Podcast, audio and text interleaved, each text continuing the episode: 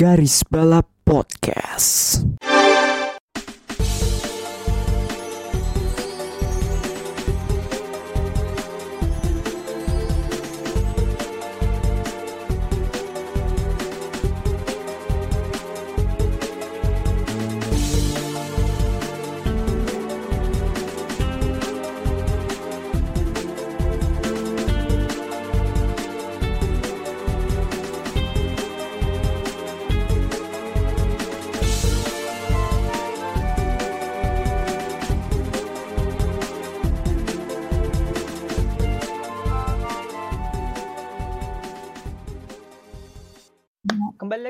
Lagi di Garis Bala bersama saya Bagus, admin utama dan tentunya saya tidak sendiri ada Melinda.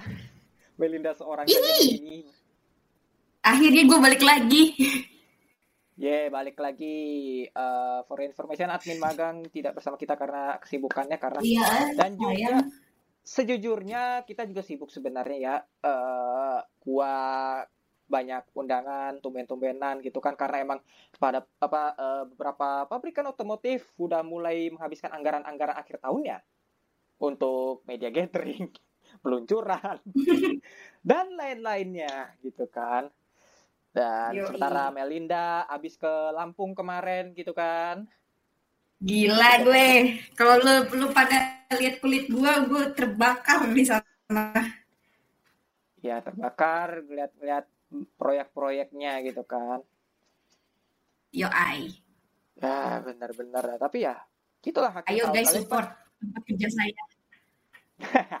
ya begitulah akhir tahun. Eh, karena ka- kalian pasti juga yang kerja juga sibuk-sibuk lagi hektik-hektiknya akhir tahun gitu kan. Kalian mungkin yang kuliah sibuk hektik-hektiknya ngejar skripsi ngejar dosen pembimbing gitu kan. Atau kalian yang lagi sekolah kalian lagi mempersiapkan diri untuk UAS gitu kan ya semuanya sibuk di akhir tahun emang ya dan emang Indonesia itu emang budayanya emang kepepet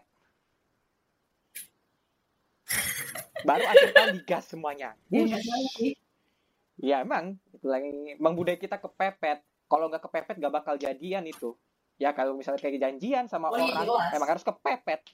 Kalau nggak kepepet ujung-ujungnya pas hari H, oh maaf guys, ma- guys nggak jadi atau apa? Emang masyarakat Indonesia tuh top.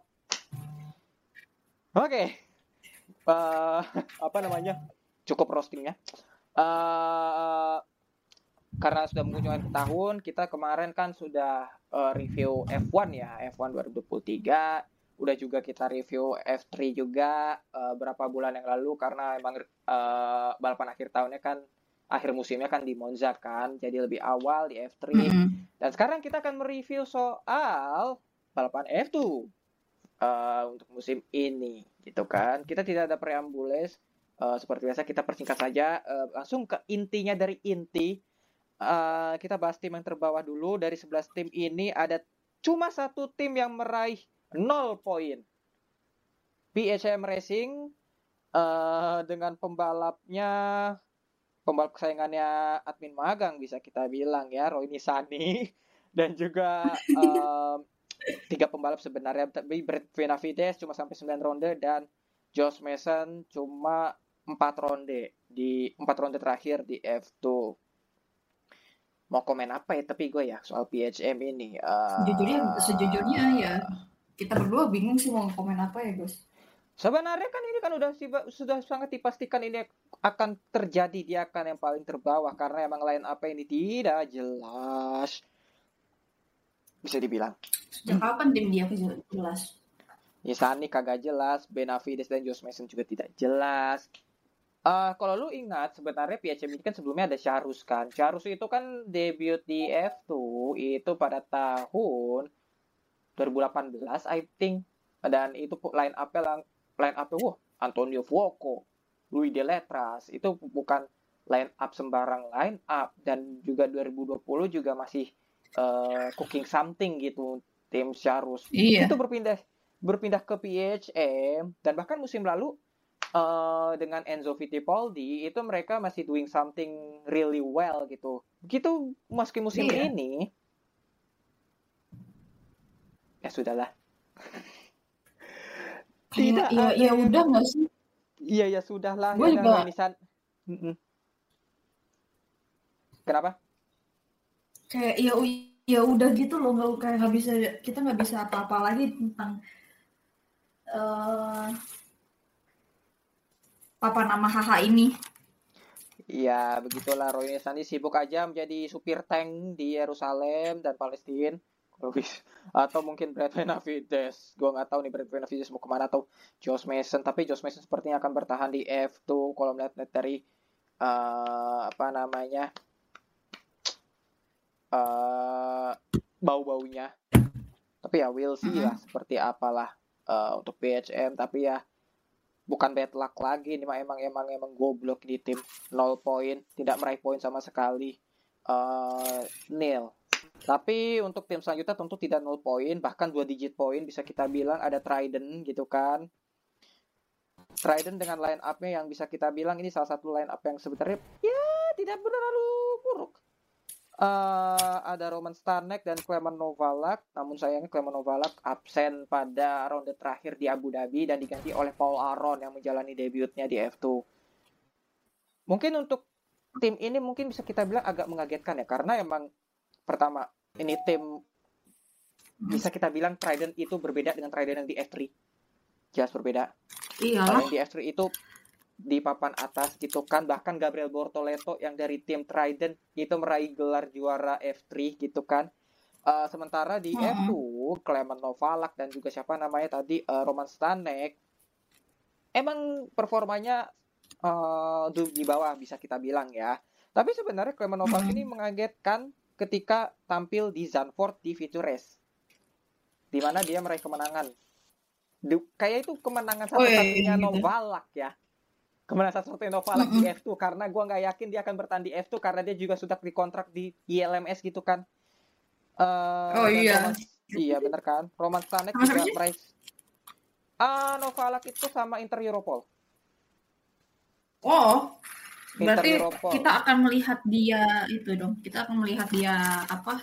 Dengan baju apa? Kuning. Racing suit warna kuning.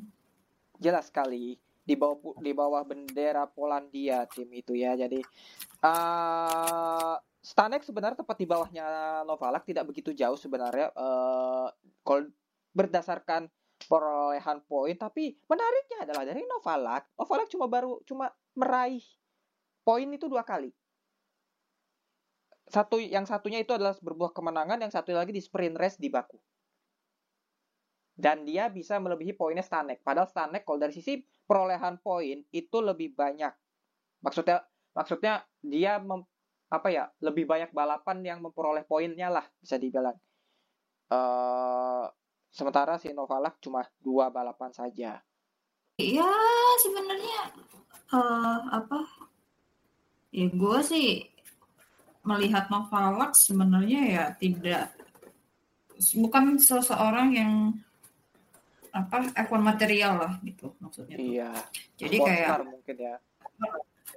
dia lebih ke arah sports car bener kalau menurut aku ya personal personal opinion sorry banget untuk siapa pun yang uh, mendukung Novalak or Stanek but for me they are not uh, F1 worthy sorry banget tapi ya that's the truth Ya, For me, ya. bisa bisa meraih ke jenjang karir berikutnya mungkin kali ya. Apa atau mungkin kalau untuk Stanek mungkin bisa kasih kasih satu kesempatan di tim yang ya menengah-menengah lah. Tapi we'll see lah. Eh, line up F2 juga belum ke- kebentuk sama sekali juga kan untuk musim depan.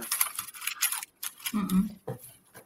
Oke, mungkin langsung saja ke dari Trident pindah ke Campos Racing yang hmm di awal musim kita digembur-gemburkan sama Rolf Boschong bisa memenangkan balapan F2 untuk pertama kalinya setelah enam tahun.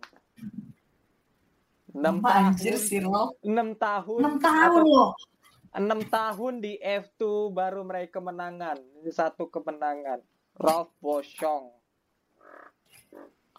Eh, di sprint race dan juga podium di feature race-nya. Wow, bakal bakal jadi title contender bla bla bla. Tapi gue masih skeptis dengan itu sejujurnya pada waktu itu. Dan ternyata benar. Dan ternyata benar. Dia cuma bisa meraih peringkat 16 di Drivers Championship dengan perolehan poin 37. Tidak jauh berbeda dengan Novalak sebenarnya. Dan dengan Arthur Leclerc pun yang di atasnya juga perolehan poinnya cukup jauh dengan dua apa selisihnya 12 poin. Uh, Jauh ya? Line up pembalapnya untuk Campos sendiri selain Rolf Boschong ada juga Kusmaini yang sejujurnya Gue kaget, gue gue kaget, jujur gue kaget. Impress im- impress us gitu loh. cukup mengesankan kita ya bisa kita bilang ya Eh, meskipun meraih satu podium saja tapi bisa berada di peringkat 11 Jujur, Kusma ini adalah salah satu yang menurut aku ini jadi biggest surprise. betul sekali dan juga perlu kalau kalian menengok eh, klasemennya di F2 itu Janda Rufala yang notabene pembalap senegaranya seniornya bisa kita bilang itu meraih tiga podium musim ini sementara Maini meraih peringkat apa eh, cuma meraih satu kali podium dan itu Kusma ini berada di atasnya Johan Jahan Darufala. Tapi emang soal perolehan poin, banyakkan Kusma ini memang. Emang, Dan tidak heran dia eh, musim depan akan di apa namanya eh, membalap di apa namanya eh membalap apa namanya bersama Bersama Alpin ya benar Alpin Alpin Alpin Alpin Alpin Alpin Alpin. Ah. Wow. tim junior team. itu mengagetkan dan juga jangan lupa jangan lupa ini yang perlu gua reminder ke kalian Kusma ini Apa? itu ternyata dimentori oleh juara dunia dua kali F1 asal Finland. Kita sekaligus juga sang penerawang McLaren sang peramal kita Mika Hakkinen dimentori loh. Dimentori oleh Mika Hakkinen Oh. itu gua kaget. Mau bahkan Oh, yang musim depan. Oh, yang masih belum yang masih belum pensiun itu ya?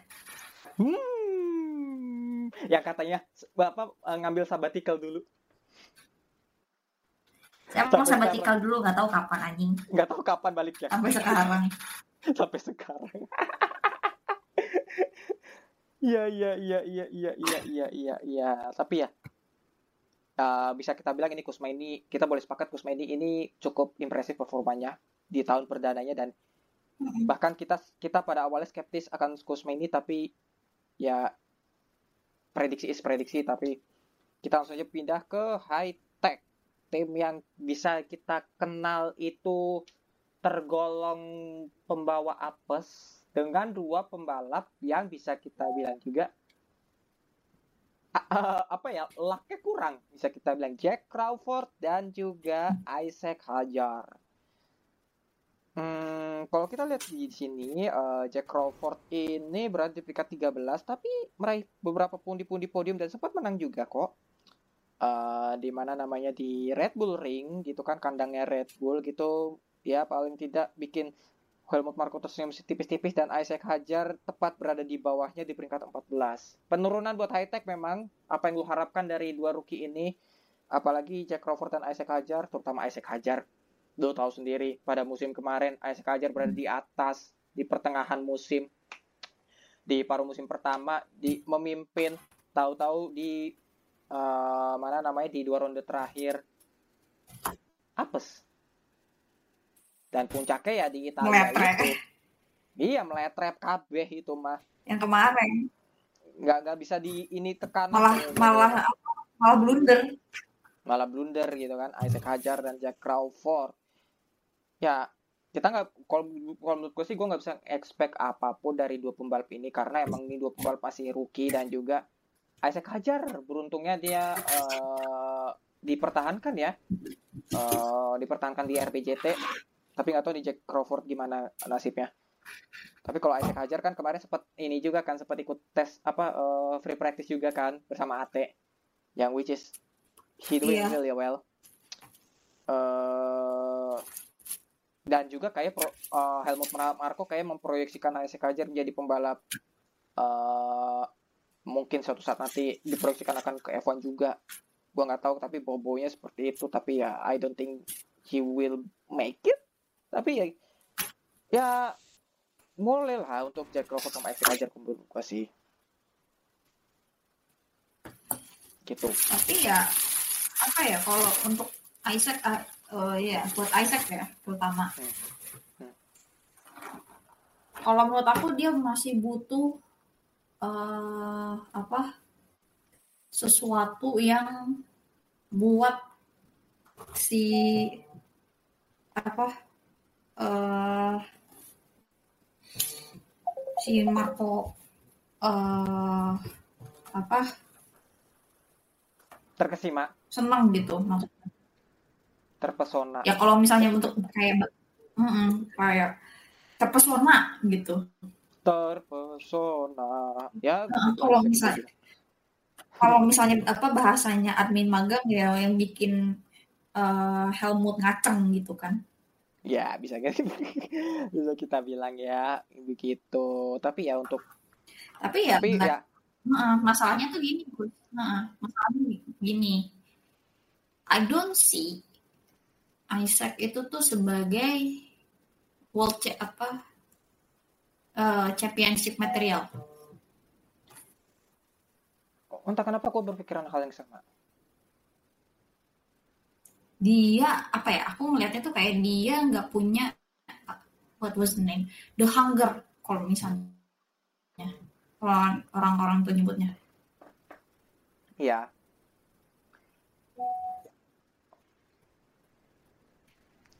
Gua sih kalau gua sih lebih ke tapi eh, ya back di again ya lanjut. Ya kalau gua sih ngeliatnya kayak gitu. Cuman ya kita lihatlah nanti season depan dia seperti apa.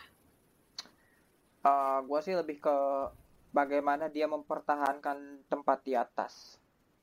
Itu yang dia kadang nah itu ya kayak ya kayak tim yang di sebelah itu ya yang kemarin tidak bisa lolos ke Champions League ataupun Europa League di atas angin dikit goyang. Kan? oh Hah? yang kemarin itu ya Gus yang Hah? kemarin di dipademin sama Bournemouth ya Iya bener, iya iya bener. Di atas angin dikit goyang, goyang, goyang gitu kan. Ah, dikasih angin sepoi dikit aja, wing goyang gitu kan. Ya itu Isaac ajar kurang lebih kayak Lu- gitu sama kayak tim yang itu tuh, ah, kurang gimana ceritanya coba kalah sama klub yang pada dasarnya ada di divisi 2 gitu. Betul sekali. Udah gitu di kandang. Udah bodo amat lah. Iya. Emang, emang. Di kandang pula malu-maluin lah. Iya, betul sekali. Dan juga eh high tech ini kan juga tidak terlepas dari keapesannya ya. Beberapa kali juga apes sebenarnya. But ya, it's conditional thing. Eh tapi ya, di sampingnya itu juga high tech kalah dari Van Amersfoort Racing yang digendong oleh Versure. Eh dan juga yang paling bikin spesial ini adalah meraih satu kemenangan eh di mana namanya di Fitur Race yang balapannya membagongkan bisa kita bilang di Fitur Race Austria dan kemenangan Versor itu dide- didedikasikan untuk Dylan Van Hoff main biang. Jadi ya eh, dan juga meraih beberapa podium juga Richard Versor. So ya this is a really good thing untuk Versor juga meraih peringkat 9 juga eh, di Driver Championship. Dan Juan Manuel Korea ya Hanwo gue nggak tahu ya apakah dia lanjut ya tapi kemarin kayaknya dia ikut testing deh ikut testing F2 kan Harusnya sih Eh, lanjut ya gitu. Mungkin dia selingan sama ILMS kali. ah gue nggak tahu deh kayak mu- mungkin bisa jadi tapi Juan Manuel Korea kayak kayak kayak mungkin gini gini. Tadi lu berbicara soal hunger yang tadi lu singgung soal Isaac Ajar mungkin Juan Manuel Korea ini berbeda. Juan Manuel Korea mungkin kapasitasnya pas-pasan tapi dia kayak masih menginginkan something gitu di F2 tak kenapa ya? Ini orang ya? Mungkin- gitu loh. Mungkin Walaupun ya kalau untuk JM ya. Untuk JM mungkin aku ngeliatnya bukan hunger emang. Bener bu- bukan hunger tapi lebih ke Oke. arah unfinished business. unfinished business semusim ini udah kayak kayak unfinished businessnya tuh lebih ke apa apa karena dia pengen meraih mer- kemenangan di F2 balapan F2 atau dia meraih podium atau ya tapi emang sih itu itu udah udah personalnya Korea sih kayak ada hal terpendam yang ingin dia raih gitu Wah, mungkin kalau misalnya dia bisa meraih kemenangan, dia bisa Ya, dedikasikan kalau- itu untuk kalau- Antoine Hubert.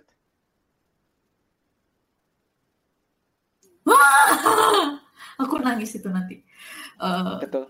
mungkin ya, mungkin ya, mungkin nih. Sebenarnya tuh ya kalau misalnya, aduh aku lupa, was it Zanford when he was leading? Eh, kalau nggak salah. Kalau nggak salah Zanford ya. Hmm. I think ya, I think ya ini ini teori gue aja nih sebenarnya. Jadi it's very very very subjective. Aku mikirnya gini, sebenarnya kalau misalnya nih, kalau aja si JM menang saat itu ya di Zandvoort kemarin, I don't think he will continue F2 anymore gitu loh. Ya bisa jadi sih karena emang ya Mm-mm. sebenarnya JM ini bukan pembalap jelek kok, bukan. Karena gini, sebelum kecelakaan naas itu ya eh, di 2019 itu dia Mm-hmm. mer- apa namanya meraih dua kali podium loh. Yang which is Mm-mm. itu dia meraih runner up dua kali kalau tidak salah ya. Kalian boleh cek aja eh, pada tahun 2019. Eh, dan itu timnya juga tim Sauber Junior, tim Akasha Rus kan. Eh sebenarnya bukan pembalap jelek, cuma ya emang dia bukan pembalap yang akan berada on the top level seperti misalnya F1 gitu, kompetisi di F1 dan dia lebih cocok ke kompetisi lain. Ya mungkin seperti yang kita eh, singgung-singgung dan kita bahas mungkin ya unfinished business maybe. Tapi kalau dari gua tadi mungkin ada hunger ya, something yang ingin dia pengen eh, raih gitu di F2. Gua nggak tahu apa itu, hanya JM dan Tuhan yang tahu. Eh, Mhm. So ya, we'll see lah. Eh, Juan Manuel Korea ini akan ke mana di kiprahnya di F2 selanjutnya. Mm-mm.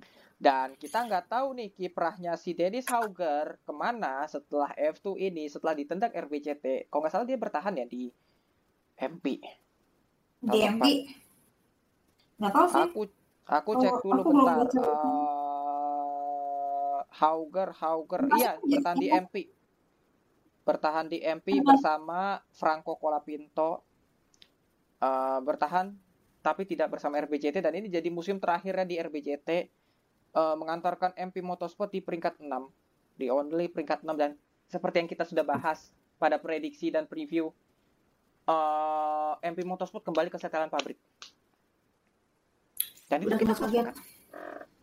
betul sekali Dan itu Eh, beneran kejadian. kejadian beneran dan juga eh, Dennis Hauger ya meskipun meraih kemenangan di Albert Park dan juga di Hungary mengantarkan Dennis Hauger di peringkat 8 namun Jehan Daruval tidak bisa berbuat banyak. Terlebih lagi di menjelang akhir musim sepertinya fokusnya udah terpecah. Dan dia akhirnya mengalihkan fokusnya kan ke eh, Formula E bersama Maserati. Ya kita lihat Hauger tahun depan seperti apa tapi Hauger juga performanya ya biasa-biasa saja standar sebenarnya dan juga begitu pula dengan Jehan Daruvala kalau dari gua Ya well, Gitu sih. kita aku sih nggak berharap apa-apa dari MP ya. Kebetulan kalau misalnya itu apa sekarang kan sama Colapinto apa sama Frank Franco kan. Jadi kayak Yos ya dan kita lihat aku sih nggak berharap apa-apa. Nah, terlebih aku- lagi tahun aku terlebih lagi kan berharap. tahun depan kan regulasi baru Oh ya mobil baru ya. mobil baru alhamdulillah Kimi Alhamdulillah. Antonelli juara F2 nggak tahu kan Aminin aja Tapi- dulu. aminin aja dulu Eh, dan jujurnya kita juga nggak berharap banyak untuk tim yang satu ini Virtuosi yang digendong oleh Jack Tuhan Eh, maaf Amaury Cordial lo tidak bisa berbuat banyak tapi Jack Tuhan tahu-tahu sur- kalau bisa gue bilang kayaknya ini lo gue cukup meng- apa ya cukup apa kaget lah dengan hasil ini. Karena Jack Tuhan bisa berada di finish peringkat tiga. Eh, setelah beberapa awal musim apa namanya eh, beberapa balapan awal musim lempem dan langsung ngegas di akhir juga terutama di paruh musim kedua gitu kan di menjelang akhir paruh musim pertama juga ngegas dan itu yang membuatnya dipertahankan oleh Alpine Academy dan juga menjadi pembalap tesnya Akademi Alpine juga gitu Speaking of Amaury Cordil, ya berada di peringkat 20. Tidak berubah. Uh, dengan hanya the, on, the one and only dia hanya meraih satu digit poin. Sementara pembalap-pembalap lainnya yang meraih poin itu rata-rata dua digit. Dia cuma cuma meraih satu digit doang, meraih, meraih poin 8 di peringkat 20. Jauh ya? Jauh sekali. Ya, Ya, tapi ya mau Heeh. Sebenarnya kita juga kayak nggak berharap apa-apa nggak sih dari single Cordil. carry team. Iya, Jack Duhan juga ba- bagus performanya aku bilang. Eh, Meskipun waktu itu kal- kapan ya yang dia impress gue tuh lupa deh. Hmm, Terus kayak tiba-tiba dia kayak aku lupa ya pas di GP mana dia tuh tiba-tiba jadi tampil impresif terus kayak kita semua kaget kayak ini serius ini Cordil yang ini. di mana ya balapan mana ya gue lupa gue lupa gue lupa Gue juga lupa.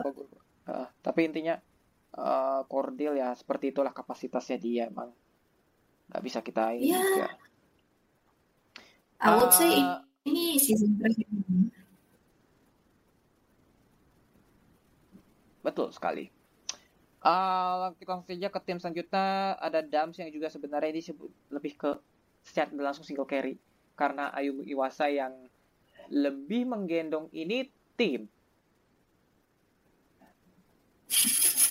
di peraih peringkat 4 konstruktor dan Ayumu Iwasa ngebotol di akhir tidak bisa meraih peringkat 3 di Drivers Championship dan disalip oleh Jack Duham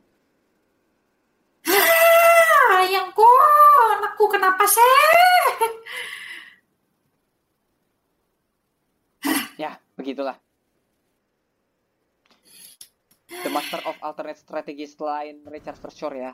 Bisa kita bilang Ayumu Iwasa ini. Iya, Sayang ya.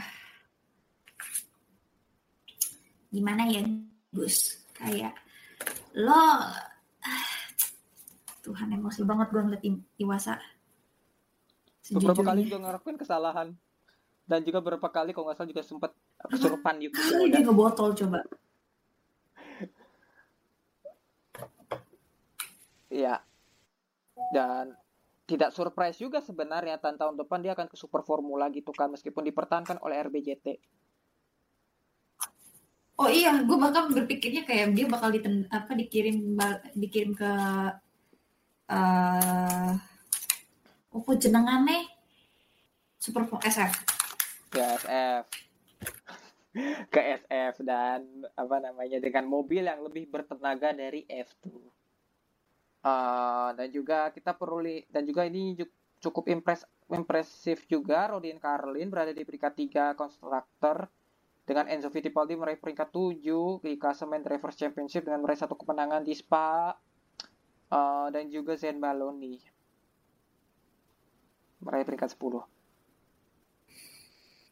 sebelum sebelum gua lu dulu. Sebelum ke sana kita nggak sebelum sebelum kita eh, itu kita nggak mau bahas si adik adik adik adik kita satu ini.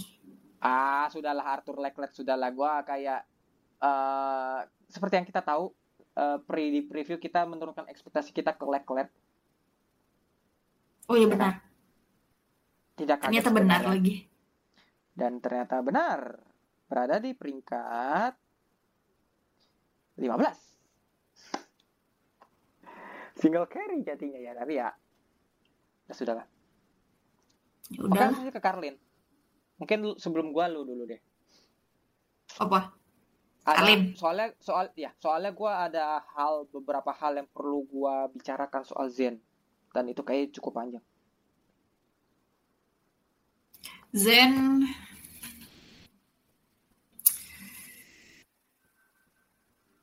Impressive but not impressed enough. yes He has the talent, but I don't see as something that a that will be considered as a generational talent. Yes. Kalau menurut aku, Zen itu bagus, bagus. Tapi I don't see him as a part of ya mungkin aku belum melihat dia berkembang lebih lama aja sih sebenarnya. Tapi uh, so far aku nggak ngelihat dia jadi seseorang yang uh, berada di single seater cukup lama. Oke. Okay. Tapi ya aku nggak lihat Zen itu sebagai seseorang yang bakal menarik perhatian tim besar untuk masuk akademinya. Iya, dia ditendang juga ya sama RPJT. Mm -mm. Tapi kayaknya belum resmi Iya. deh. Tapi kayak belum resmi dia ditendang dia. Cuma baru kabar-kabar sih aja. kalau Iya. Heeh, Soalnya mungkin kan ada tahun depan- karena ada. Soalnya kan tahun depan dia bertahan di Carlin. Mm-mm. Tapi apakah Red Bull bakal tetap mensupport uh, Zen? I don't think so. Oke.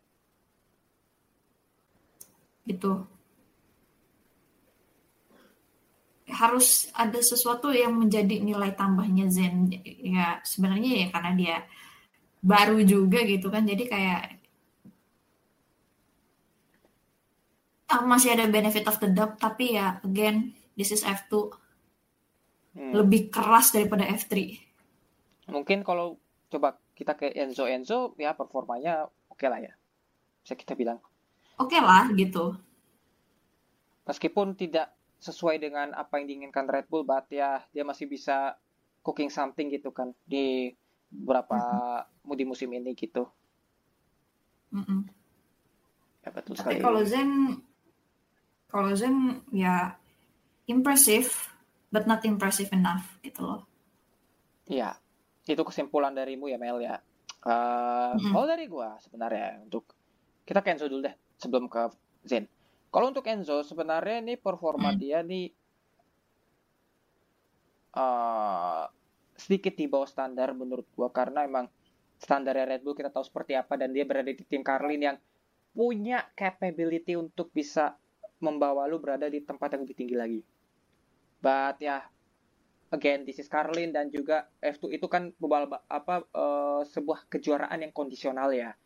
Bisa karena mesin, bisa karena something technical problem, bisa karena mungkin tahu-tahu pit krunya ngadi-ngadi, belum lagi kejadian ajaib dari pembalap seperti Nissany, Brad Benavides atau siapa pun name it lah yang tahu-tahu menghasilkan something yang kejadian ajaib yang itu bisa mengubah jalannya balapan. Tapi ya paling tidak ini bisa menjadi apa ya Fittipaldi ini masih dalam standar apa ya eh, hasil yang diraih oleh Fittipaldi itu masih wajar bisa kita bilang dan tidak mengecewakan Red Bull dan itu membuatnya bertahan di RBJT juga eh, untuk tahun depan dan di tahun depan juga dia akan membalap di R2 juga. Jadi ya kita lihat seperti apa untuk Enzo dan untuk Zen Maloney. Sejujurnya Mel, eh Hmm. Gua masih gua kurang setuju soal apa namanya dia tidak bisa attract something apa ya at- at- attract junior apa junior apa tim ju- apa divisi junior ya F1 ya F1 tim ya. Karena bagi gua dia talent ada talent ada talent ada talent ada dia talent ada dan juga kenapa gua gua sedikit tidak setuju? Karena emang dia ini kan pembalap asal Barbados dan itu Barbados itu kan dia bawa sponsor dan hal-hal something lah gitulah dan kita tahu Barbados itu eh, bisa kita bilang kalau ada seorang pembalap eh kayak Indonesia lah kurang lebih seorang pembalap yang berada di kompetisi dunia pasti itu animonya luar biasa dan mungkin Oh iya. F1 tim mungkin kalau misalnya ada yang eh, interested ya bisa kita bilang Hmm. Itu itu mungkin bisa bisa dari situ gitu engagement lah bisa gitu engagement gitu kan Eh, soal Zen kalau soal talent gue juga bilang ini talent dia tuh talent bertalenta dan lain-lain cuma gue pernah bilang kan apa jangan-jangan Zen Mhm. ini dinaikkan ke F2 ini apa terlalu prematur Hmm. lu berdua Iya, waktu iya, itu iya. pernah pernah bilang bahwa eh ya give give him chance gitu karena dia rookie. Tapi masalahnya kalau bicara soal rookie, Martin, Barman lihat seperti apa? Jauh lebih perform. Sementara Maloney, oke dia meraih peringkat 10, but apa ya tidak ada beda sama Maloney sama Berman. Eh, Maloney sama Berman, Martin sama Berman.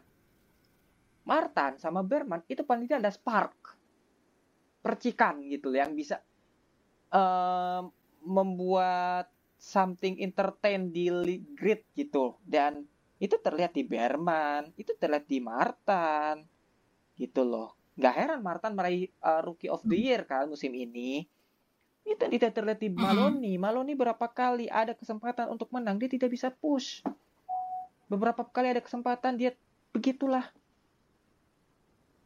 Ya contohnya mungkin ya mungkin ini di luar masterclassnya Johak Jack Duhan ya contohnya di. Silverstone kemarin.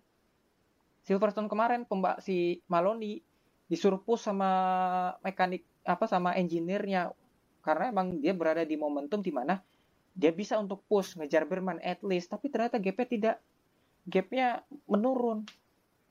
Dan beberapa kali in a moment di mana Maloney bisa perform harusnya bisa. Bisa untuk mengejar ketertinggalan. Dia tidak bisa itu yang gua agak kecewa dari Maloney makanya gue bilang ini jangan apa Maloney Maloney prematur ya dinaikkan ya. Tapi ya gitulah. Makanya kalau kalau bicara soal oh he is a rookie ya rookie mah rookie. Cuma kita lihat Martin sama Berman seperti apa rukinya musim rookie luar biasa Iya. gitu. Tapi ya kalau misalnya dibilang semua pembalap ada waktunya bu ada ini masing-masing. Oh iya bener. Cuma kalau bagi gue sih Maloney eh, tidak sesuai standar gue bukan berarti gue karena prediksi gue salah terus gue maki-maki enggak. Maksudnya eh paling tidak kalau kalau kalian lihat balapan ya Maloney itu hampir nggak kelihatan. Justru kalau dari Carlin itu paling kelihatan tuh Fittipaldi. Enzo yang lebih kelihatan justru. Gitu sih yang gua, mau gua sampaikan ke Zain Maloney makanya kalau soal karir dia soal karir dia kan sekarang lagi ngintip-ngintip jenjang lain gitu kan. Misalnya kemarin ikut rookie testnya Andretti gitu kan. Dan lain-lainnya. Tapi untungnya dia Mm-mm. bertahan di F2 meskipun kayaknya gue nggak tahu dia apakah dia akan ber- bertahan di RBCT atau tidak. Dan akan membalap bersama uh, wonderkid Toyota Ritomo Miyata gitu kan. Eh, jadi ya kita lihat tahun depan seperti apa untuk Zen Maloney. Tapi ya Mm-mm. kita lihat lah semoga saja dia menjadi at least title contender sih eh, untuk untuk untuk musim depan karena di tim yang sama mobil oke mobilnya mungkin berbeda tapi ini harusnya Iyalah. menjadi menjadi advantage buat dia karena semua tim akan juga menerka-nerka bagaimana karakteristik mobilnya, bagaimana setupnya dan lain-lain segala macem gitu loh. Ini jadi advantage juga bagi kayak Gitu. gimana Yos. satu ini. Dan kita lihat ini ada juga tim yang sebenarnya tim yang berkompetisi apa namanya eh, tampil luar biasa, Prema. Eh, dengan pembalap yang bisa kita bilang ini duo emas ya bisa kita bilang. Duo emas. Da, eh, bukan mas mas lebih duo emas. Frederick Vesti dan Oliver Berman Eh Frederick Vesti dengan runner up as expected ya kita nggak nggak begitu mengagetkan. Eh, Mhm. dan Oliver Berman. Eh, kalau soal Vesti sama Berman ya mungkin kalau misalnya ada review mungkin dia akan puja-puji Oliver Berman. Dia akan membela gini bla bla bla bla bla gitu kan. Eh, apalagi soal masterclassnya dia di Baku. Uh, di Baku keren banget. Uh, itu gila keren banget sih. Uh jangan salah dari free practice sampai kualifikasi hingga eh, feature race disapu bersih sama Berman uh jangan jangan meremehkan Berman gitu kan Grand Slam banget sih dia iya Grand Udah- Slam udah. gitu kan Your Grand Grand Slam. Slam Grand Slam di musim rukinya dia, woi, gitu kan bisa kita bilang. Eh, gue jadi pura-pura jadi admin magang nih kan, apa namanya jadi jadi buzzer Berman gitu. Eh, apa namanya? Eh, soal Oliver Berman. Ya oke dia meraih kemenangan empat kemenangan. Bahkan lebih ba ya hampir menyamai rekan setimnya uh, Oliver Burman empat kemenangan. Uh, sementara rekan setimnya enam. Tapi perolehan poinnya cukup jauh sebenarnya. 130 dengan 192 Uh, kalau untuk dari gue koreksi gue untuk Berman adalah uh, ya lebih konsisten aja sih. Uh, raw pace dia ada, Mm -mm. itu udah jelas. Tapi some, sometimes dia need to calm himself juga. Karena ini momen di mana dia bisa tampil bagus, tau taunya dia malah kebotol lah. Itu aja sih. Dan dan ya butuh apa sih itu namanya tuh di, lebih bijak lagi dalam uh, driving style dia dan ya gue gue I'm happy with Berman to be honest uh, dan juga uh, bukan gak mungkin 2025 dia akan menjadi apa namanya per, uh, pembalap F1 gitu kan kalau misalnya Sita masih ada. Uh, sementara untuk Vesti ya gue daripada bilang Vesti ini layak menjadi runner up gue malah menjadi what if nih. What if kalau di feature race dia tidak retire? Yang tiba-tiba bannya Oh. ban, ban, ban, bannya tato satu melayang gitu loh. What if kalau di Spa dia tidak kepleset saat uh, ja, apa jalan ke grid? Hmm. Ah, Maybe. elah. Maybe, maybe dia bisa meraih gelar F2. Kalau melihat dari balapan terakhir di Feature race Marina, itu menurut aku. uh, kalau kita lihat dari balapan di Marina, Theo Porsche sebenarnya nggak nggak yang spesial-spesial banget loh. Mm-mm. Uh-uh.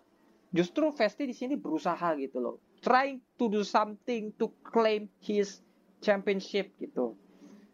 Tapi ya dia sudah berusaha semaksimal mungkin gitu kan, um, terpaut 11 poin, but ya it is what it is dan emang ini emang tahunnya Porsche juga meskipun banyak momen di mana Porsche tidak apa namanya uh, ngebotol bisa kita bilang gitu loh. Nanti kita bicara soal Porsche dan ini ada fakta yang menarik soal Porsche juga Mm. uh, dan juga ERT.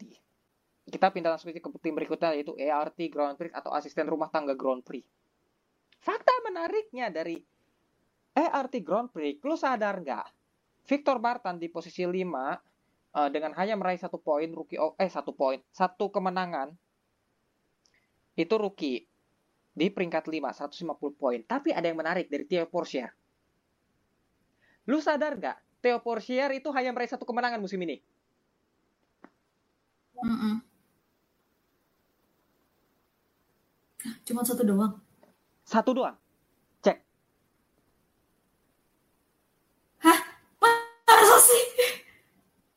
cuma satu doang di awal musim di Bahrain. Udah itu aja. Serius? ada di mana di momen di mana dia tuh ngebotol juga. Tapi Vesti juga ngebotol. Ada beberapa. Cuma satu doang. Vesti itu enam.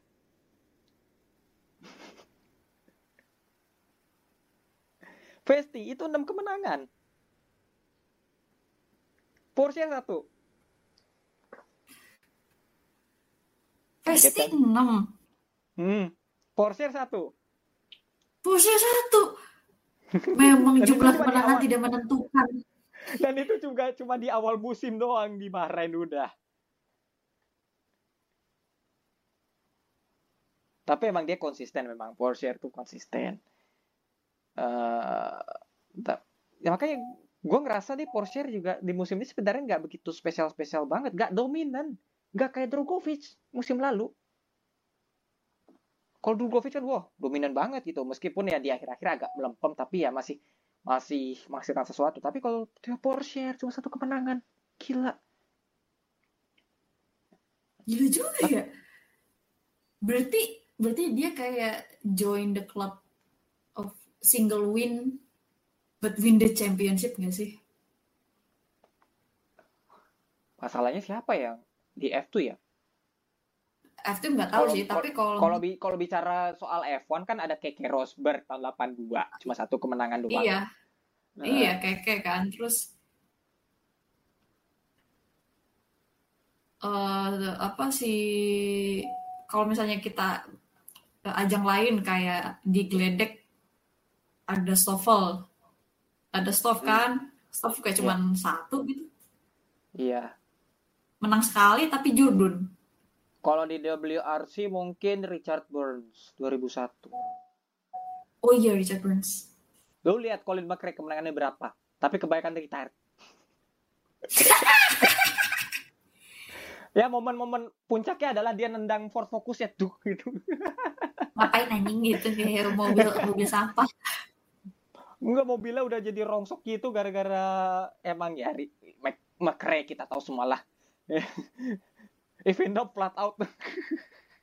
Tapi ya intinya adalah Theo Porsche ah satu kemenangan doang dan tapi gue jadi berandai-andai deh kalau misalnya di Bahrain dia raih runner up saja otomatis kan eh, dari perolehan poinnya kan jadi dia meraih poinnya 18 kan dan itu selisihnya 7 poin masih bisa nganterin dia meraih gelar F2 loh jadi bedanya mungkin jadi 4 poin dari Vesti gue ngebayangin kalau misalnya Porsche tidak meraih kemenangan satupun dan Bahrain ini yang di feature race dia meraih runner up. Apakah akan muncul sejarah sebagai pembalap pembalap apa pembalap yang tidak pembalap yang meraih gelar juara tanpa meraih kemenangan satupun? Kayak itu kan sangat menjadi sebuah sejarah sih. Mm-mm. Gitu. Ini kayaknya kita baru pertama kali deh menemukan kasus kalau yang Jordan itu cuma menang sekali doang. Lu mau meraih kemenangan berapa banyak pun itu tidak menjamin lu menjadi juara di akhir musim. Dan Porsche berhasil membuktikan itu lagi. Itu sih. Oke, mungkin kita langsung saja mungkin kali ya ke eh prediksi-prediksi siapa tahu prediksi-prediksi ada yang meleset gitu kan. Tapi kalau kalau dari kita revisit dulu kali ya. Mungkin kalau dari Belinda yang gua dengar dari episode-episode awal musim itu Melinda masih takut-takut. Tapi dia tapi lu memprediksi Ayu Muwasa top 3 dan ternyata tidak. Gagal son, gagal maning. Ah lu Ya. masa me- menggagal apa? Tuhan menggagalkan ah. Tapi Tuhan yang yang, yang dia Marina tuh keren tuh. Ya keren sih, banget. Keren keren keren. keren sih. Tapi ya gue pengen anak aing naik ke prize giving award. Eh eh anakmu kan nanti musim depan siapa tahu naik. Martan. Oh iya bener juga. Oh iya bener juga sih. Nah tadi malam kan juga ini Rookie of the Year. Antoine Hubert Award. gitu Iya. kan. Itu. Terus kalau dari admin magang itu yang di episode yang prediksi itu dia prediksi pertama kayak Porsche dan yang dua tiga itu duo Carlin karena emang mm, berkaca dari musim sebelumnya duo Carlin tuh cukup on fire lah bisa dibilang Liam Lawson sama si siapa satu lagi tuh ah lupa. Itu itu itu on fire lah bisa kita bilang. Logan Sargent sorry. Logan Sargent pembalap kita. Eh, pembalap Williams kita. Eh, itu itu emang emang emang bagus performanya. Jadi ya ternyata meleset tapi Porsche itu bukanlah sebuah hal yang mengejutkan. Dia berada di top 3 dan kalau dari gua itu memprediksi Theo Porsche eh Frederick Vesti kedua dan yang ketiga Zen Maloney. Ya Zen Maloney being Zen Maloney sayang banget ya eh, ternyata dia tidak bisa cepat adaptasi dengan mobil F2 kita lihat musim depan seperti apa itu akan menjadi kesempatan terakhirnya. Apakah dia layak menjadi pembalap bertalenta yang layak berada di F1 atau tidak gitu sih. Oke mungkin itu aja mungkin dari kita ya. Ada tambahan mungkin Mel Ya, F2 kali ini nggak seawik apa ya? F2 kali ini nggak seawik walk tahun lalu sih. Tapi ya, oh iya jelas jelas jelas ini gak eh apa nggak separah tahun lalu tahun lalu tuh parah banget sih week walknya itu ya Eh, bukan ya setidaknya kan. ini kayak lebih kalem lebih kalem lah istilahnya tuh. Jadi ya kalau kita kasih rating 1 sampai 10 ya tujuh lah ya. gue tujuh setengah. Ya tujuh tujuh tujuh setengah lah gitu. Eh, some some mungkin ya beberapa race itu sangat menarik untuk ditonton ulang gitu kan. Bisa kalian itu bisa juga ya kayak ya udahlah ya gitu kan. Tapi nggak seawik waktu tahun lalu sih. Jadi kayak ya oke lah gitu untuk untuk mengisi hiburan kalian gitu off season. Ya kalau dari gue sih mungkin awikuknya adalah pada saat kayak misalnya di Belanda apa di Belanda kemarin Vitures ya ketika Theo apa Theo Porcher Newsrook Vestinya juga bannya bannya pergi gitu kan bisa dibilang ya ya mungkin awikuknya mungkin di situ tapi ya untuk F2 musim ini tuh nggak yang one man dominance lah ya eh dua pembalap punya kekurangan masing-masing gitu kan. Vesti dengan bad luck-nya yang luar biasa. Porsche yang eh, apa namanya be- beberapa kali shaky but ya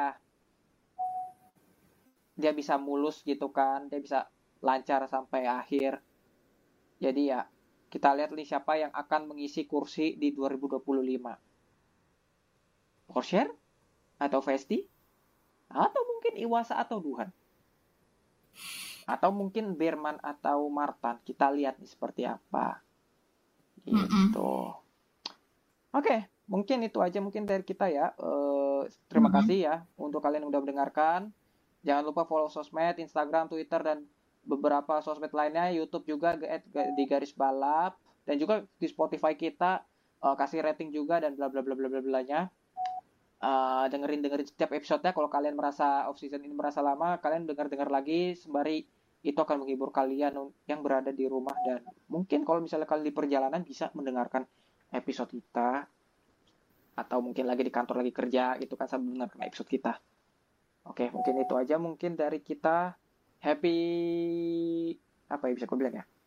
Ya happy menjelang akhir tahun lah bisa kita bilang ya. Eh, selamat bekerja, selamat eh, menempuh eh, perjuangan baru sela- bagi skripsi, selamat, semoga dipermudah Eh, dan juga untuk yang UAS atau mungkin yang menempuh akhir semester dan lain-lainnya, semoga diberi kemudahan dan tetap semangat belajarnya untuk bisa em, meraih something yang lebih baik, oke? Itu aja dari kita, gue Bagus, Melinda, dan Rifki undur diri. Sampai jumpa di episode berikutnya. Kita nggak tahu akan posting episode berikutnya ber- kapan, tapi pokoknya kita lihatlah kondisinya seperti apa untuk ke depannya. See ya. bye